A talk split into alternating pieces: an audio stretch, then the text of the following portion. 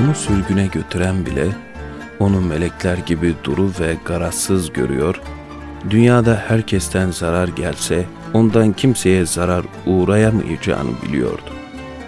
Hali sözünü yalanlamıyordu. Bir manyetik merkez gibi sevgi, emniyet ve güven yayıyordu. Zarar görse de haksızlık yapamaz, zarar veremezdi. Yüzbaşı kundaktaki çocuk kadar masum diyecek ölçüde ondaki saffeti anlamıştı. Seyda ile Mustafa'ya bir oda verildi. Köylüler tabak tabak yemek getirdiler. Ramazanın bereketiyle sofra donatıldı. Yemek organizasyonu tamamlanırken etrafları silahlı gönüllüler tarafından sarılmıştı. Seyda bir işaret verse yetecekti. Onu asla kimseye bırakmayacak, incitilmesine izin vermeyeceklerdi. Yanına sokulan, müsaade isteyen köylülere aynı dersi verdi. Aynı şeyi tekrarladı. İslam'a asırlar boyu bayraktarlık yapmış necip bir milletin asker evlatlarına silah sıktıramazdı.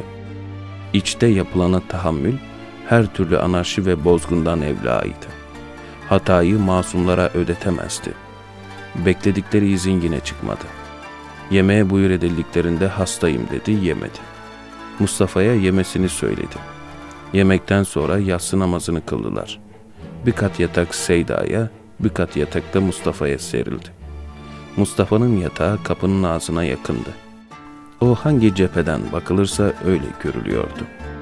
Bazen bir zahit, bazen bir abid, bazen bir alim, bazen bir mürşit, bazen bir komutan, bazen bir lider.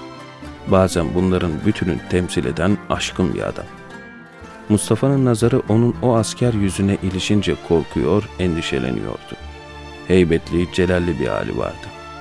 O haliyle onu bir hocaya da benzetemiyordu.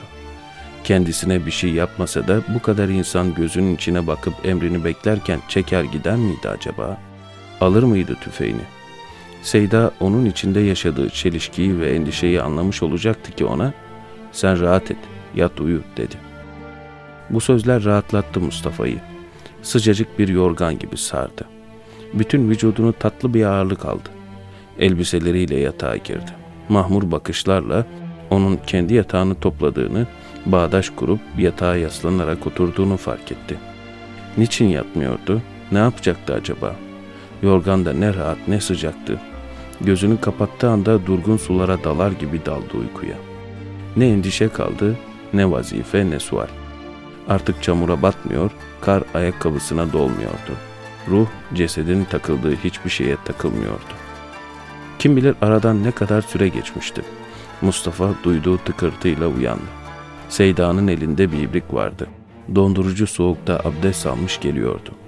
Sessizce içeriye süzüldü. Kıbleye yöneldi. O gün yine yalnızdı. O gün yine kimsesiz. 50 yaşında bir adam. Milletin çektiği cehennemi eziyetler ona ev bark sahibi olmayı, kendisini düşünmeyi unutturmuş, kendini düşünenler onu anlamamış, anlamak istememişti. Hüzünlüydü çok. Sanki kar olanca soğukluğuyla sırtına yağıyordu. Annesizdi, babasızdı. Vatanı gibi öksüz ve yetimdi. Kardeşleri uzaktaydı. Her şey ve herkes Irak'ındaydı. Yoruluyor, üşüyor, acıkıyor, çaresiz kalıyordu.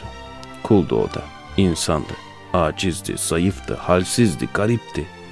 Kim isterdi öyle tedirgin edilmeyi?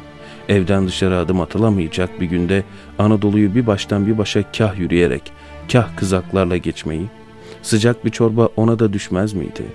Çok mu kötülük etmiş, büyük hatalar mı işlemişti? Suç muydu Allah'ı anlatmak? Misafirlere ev sahibine karşı nezaketi, itaati hatırlatmak? Kula açamıyor muydu derdini? Açsa kimi açacaktı? Hasta mısın diyecek, halini soracak kimi vardı? Onun da bir teselli sözcüğüne ihtiyacı yok muydu? Taştan mıydı o kadife gönül? Tunçtan mıydı? Başkalarını incitmeyen, çoklarının zoruna gitmeyen şeyler o hassas teraziyi üzmez miydi? Elin malı demiş, yememişti ama açlık dayanılır şey miydi?''